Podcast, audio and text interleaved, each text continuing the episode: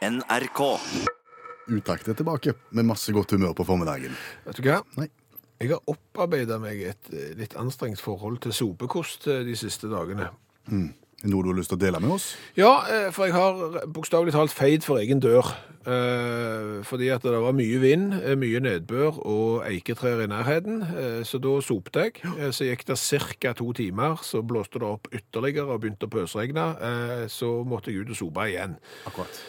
Og- når jeg da går der og soper eh, med kost, så tenker jeg liksom at det er, to måter å sope på.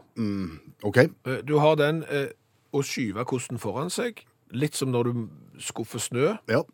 Og så har du den andre som er liksom å trekke kosten til seg, litt som når du raker løv. ja. Da drar du på en måte. Ja, ja. det er liksom de to måtene. Yes. Og- Og det som slår meg da, det er jo at den måten å koste på, som koster minst sånn med krefter og, og, og sånn, det er den minst effektive. Ja vel. Og den mest Altså, Hvilken er det som koster minst krefter? Det, det er skyving. Ja, OK. Ja, ja, det er liksom å gå, gå rett vei, på en måte med brystet mot sopekosten og skyve kosten framover. Men, men det blir liksom ikke noe svung over selve kostingen. Det er mindre effektivt enn når du drar den mot deg, Ja, som du er Når tyngre. går på rakevarianten, da, liksom, da får du med deg mye mer sand, og du får med deg mye mer støv, og disse raklene og blader, og alt. Du får liksom mm, kosten mer ned til bakken, og han tar med seg mer, eh, og du slipper liksom å koste samme stedet to ganger. Dette tror jeg har med kostens beskaffenhet å gjøre. Hvis du bruker litt sånn stivbusta Piazzava gatekost, Mm. så skjønner jeg jo at, at det kan bli vanskelig å få med seg finmotorikken, på en måte. Men, men den er god til å skyve fort og hardt framover. Mens du, hvis du har en myk, litt bredere, sånn som du brukte på sløyden Ja, så, sånn som bare læreren fikk lov, å- altså læreren som opererte båndsaga, det var han også som sopte gjerne rundt båndsaga. Ja, sånn, ja. ja. Den litt finere, den fungerer bedre når du drar. Jeg er ikke helt enig med deg, for jeg har begge typer. Jeg har både den stive liksom, gatekosten og den der sløydsalkosten. Begge deler har brukte jeg da når jeg feide for egen dør.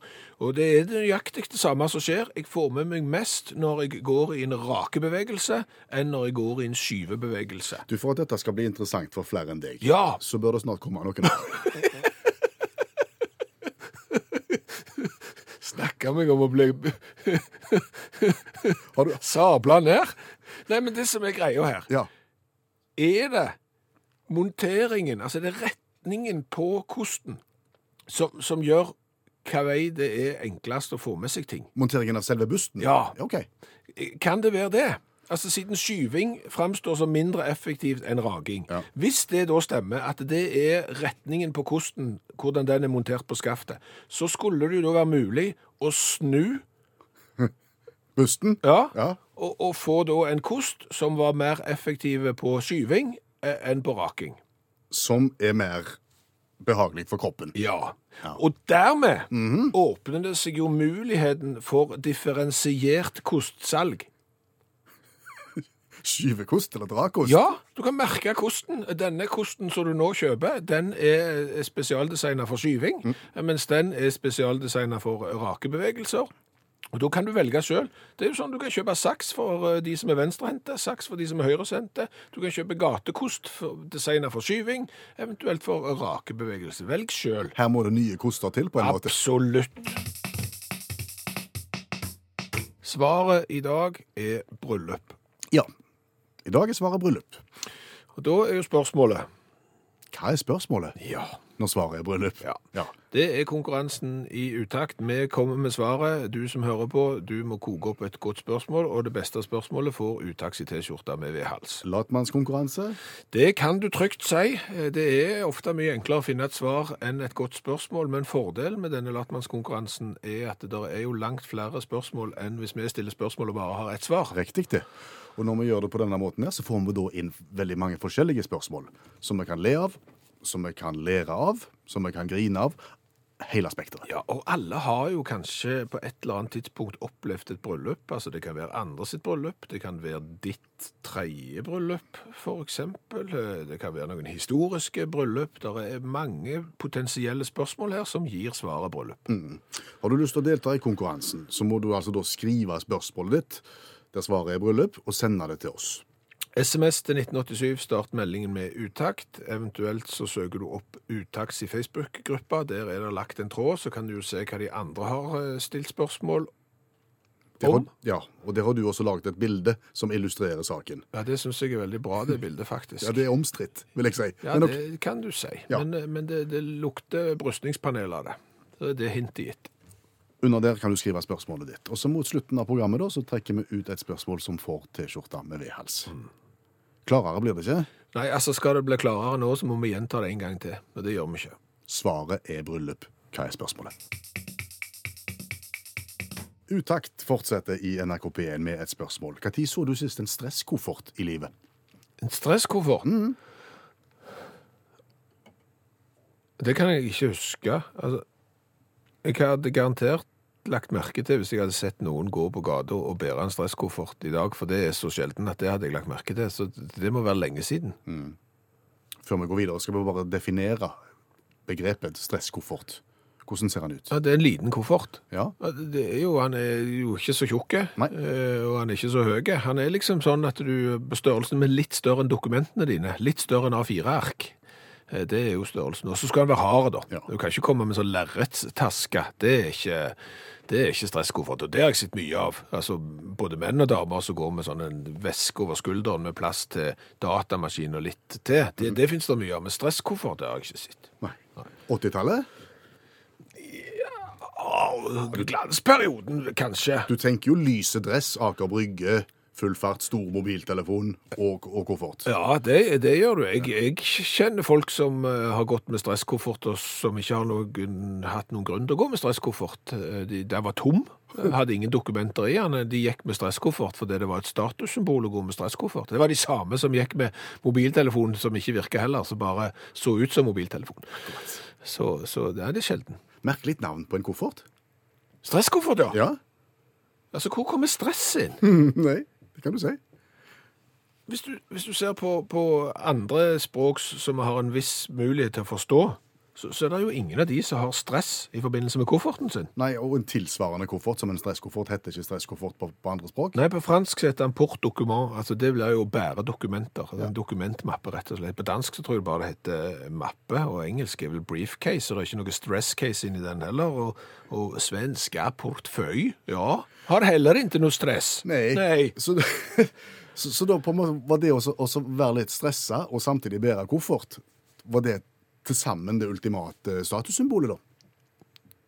Altså når Det du, var inn å ha stress. ja, altså når du kaller det for stresskoffert, så må det vel kanskje være forbundet med liksom at du har en jobb som kan utvikle litt stress. Altså, jeg, jeg, du har et ansvar. eh, Det, det, er ikke, det er ikke hva som helst. Du, du kan ikke få stresskoffert, eksempel hvis du er i renholdsbransjen, eller så jeg tror Vi kunne jo ikke hatt stresskoffert hvis vi satt i radiostudio og rørte heller. Hadde ikke Men du var litt inne på det. Nå går en gjerne med sånne lærvesker Ja. med, med, med rem som du har over skuldra, Ja. og ser viktig ut. Og gjerne en coffee to go Ja, en sånn halvliter med kaffe. i den andre. Ja. Det er vår tids stresskoffert, da, egentlig. Det er nok det. Ja. jeg, jeg har søkt bitte litt eh, nå mens vi, vi snakket om dette med stresskoffert. Tid er liksom eh, stresskoffert sist omtalt? Eh, Jeg fant en sak fra 1998. Det er ganske seint. Det er 20 år siden. Og vel så det. Jo, jo, men hvis- jeg følte stresskofferten var på hell allerede i 1998. Men da er det en sak fra NTB her som forteller at eh, en Jaguar ble angrepet med stresskoffert. En, et dyr eller en bil? En bil, ser du. Så her får du på en måte to eh, ting på en gang. To statussymbol på en gang. Jaguaren og stresskoffert. Et millionærpar i Bergen hadde anmeldt en nabo for å gå til angrep på deres nye Jaguar med stresskofferten sin, og forårsaket skader på bilen. Det er da nyhetssaken fra 1998.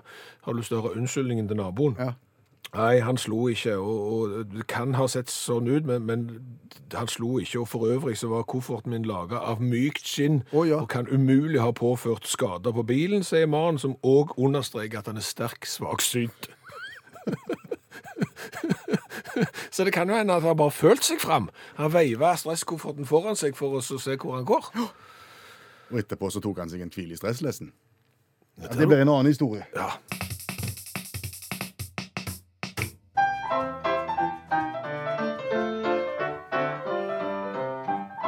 Vær så god, dagens revyvise. 27 sekunds kommentar til en aktuell sak fra et eller annet sted i verden. Ja, fra egentlig to steder i verden. For det har vært en ganske sterk uke for verdensrekorder, ser du. Ser det? Ja, det har satt eh, to nye oppsiktsvekkende verdensrekorder eh, denne uka, og det hadde jeg tenkt å synge om. Men- før vi gjør det, eh, vi kan jo høre en av de som var med på å arrangere og sette verdensrekord først, hva de syns. Ja, als ze gemeten zijn, krijgen ze een polsbandje, zodat ze kunnen aantonen dat ze gemeten zijn. En met de mensen met een polsbandje Ja, gaan we uiteindelijk... Ja, du, du skjønner jo ingenting. Men det er nederlandsk, og de har vært med og satt verdensrekord. Men du blir i så godt humør av nederlandsk. Jeg kan heller fortelle hva det handler om i løpet av sangen min.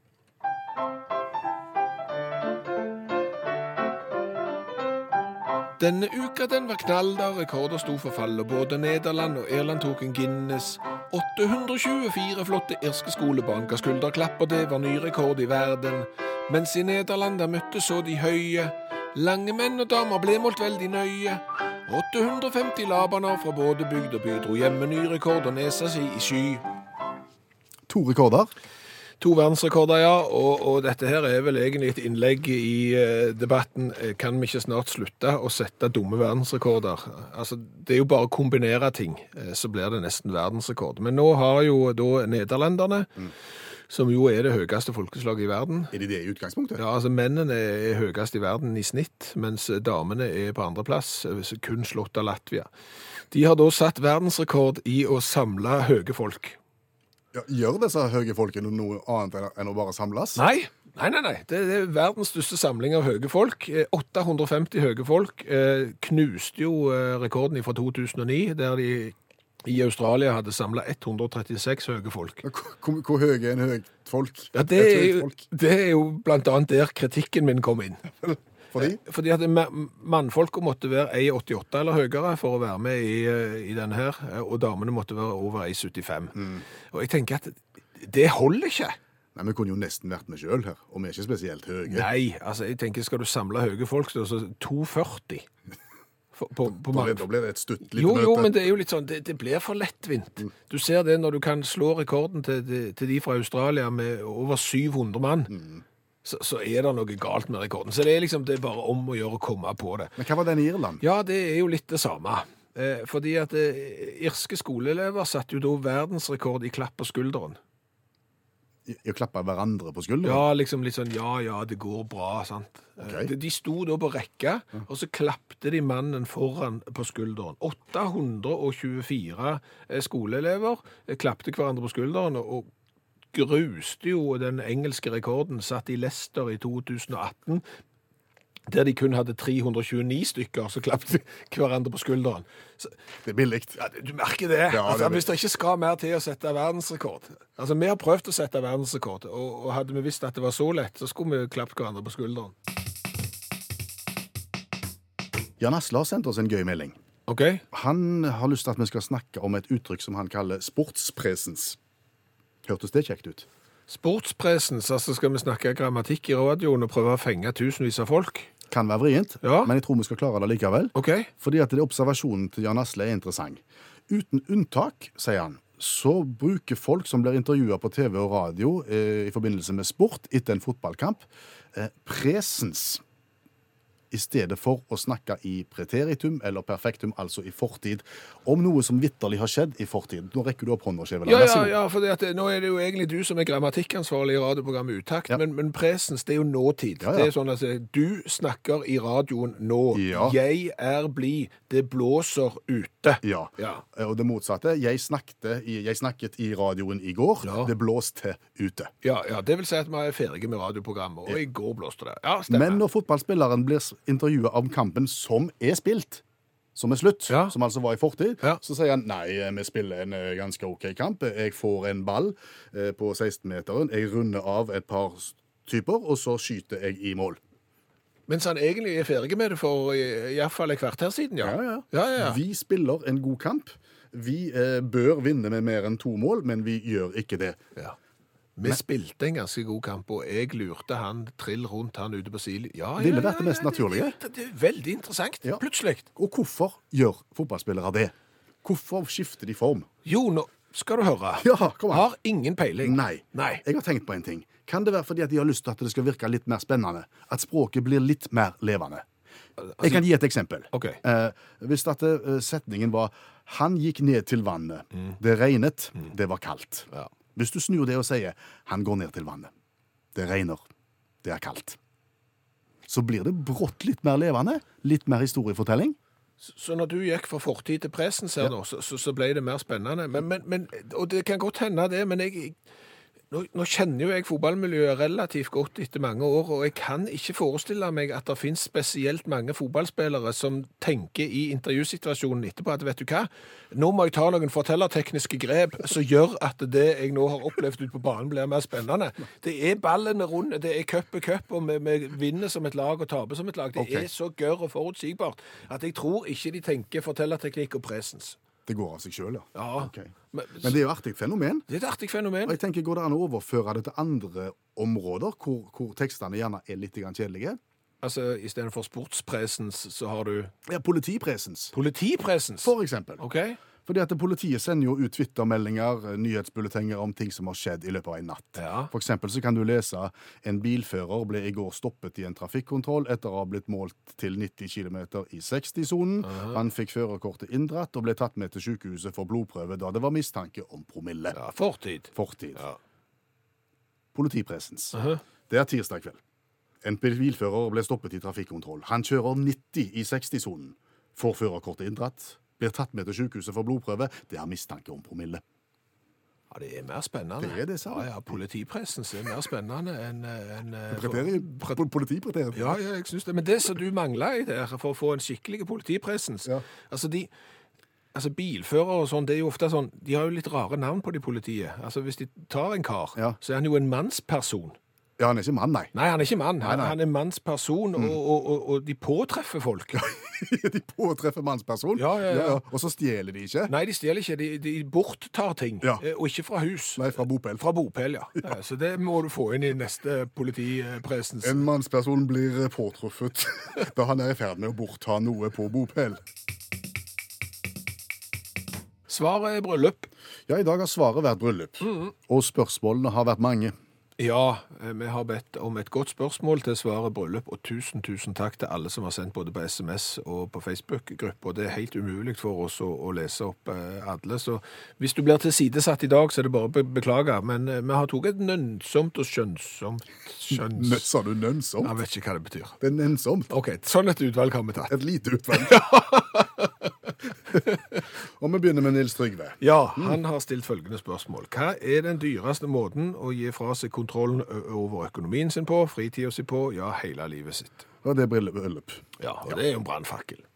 Hilde spør eh, hvor var det du filma alt sammen og glemte at det mangla kassett i kamera Au.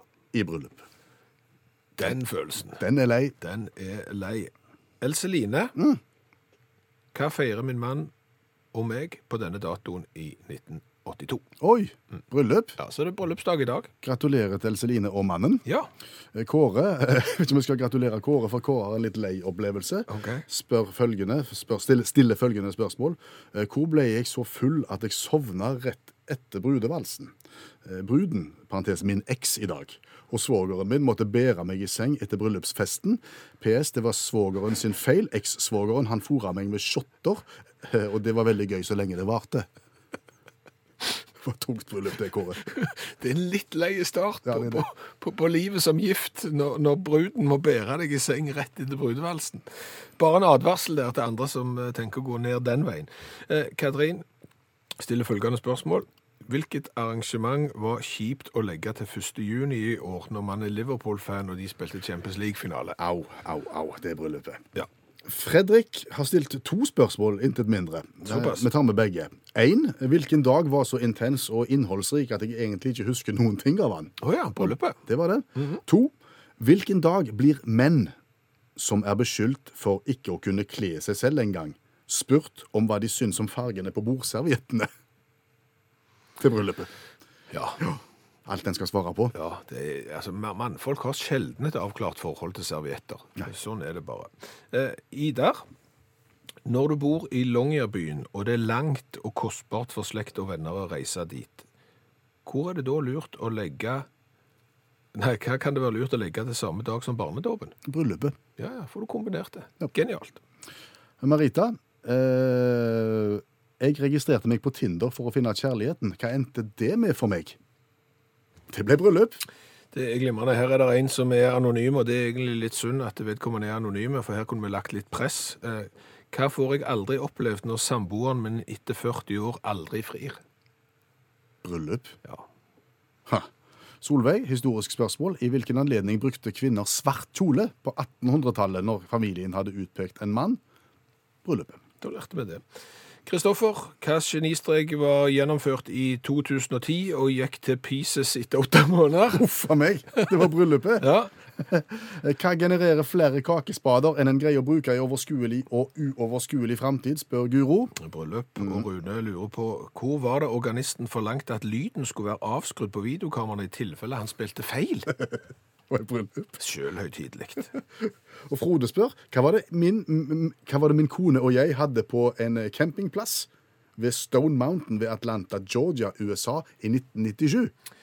Bryllup. På campingplass. Det er gøy. Tøft. Da er vi kommet til det siste. Fanfare for Cato. Med et langt, intrikat og artig spørsmål. Til hvilket arrangement var det en tidsoptimist av en premiefjott selvsikkert proklamerte til sin tilkommende brud at det å bygge det 400 kvadratmeter store teltet med plass til 250 gjester, ja, det kommer bare til å ta to-tre dager, det, med hjelp av far og et par gode hjelpere. Til hvilket arrangement? Bryllupet. Det tok da visstnok 14 dager, og du måtte ha en bråde med folk eh, med seg, han Cato, for å få den der galskapen i havn.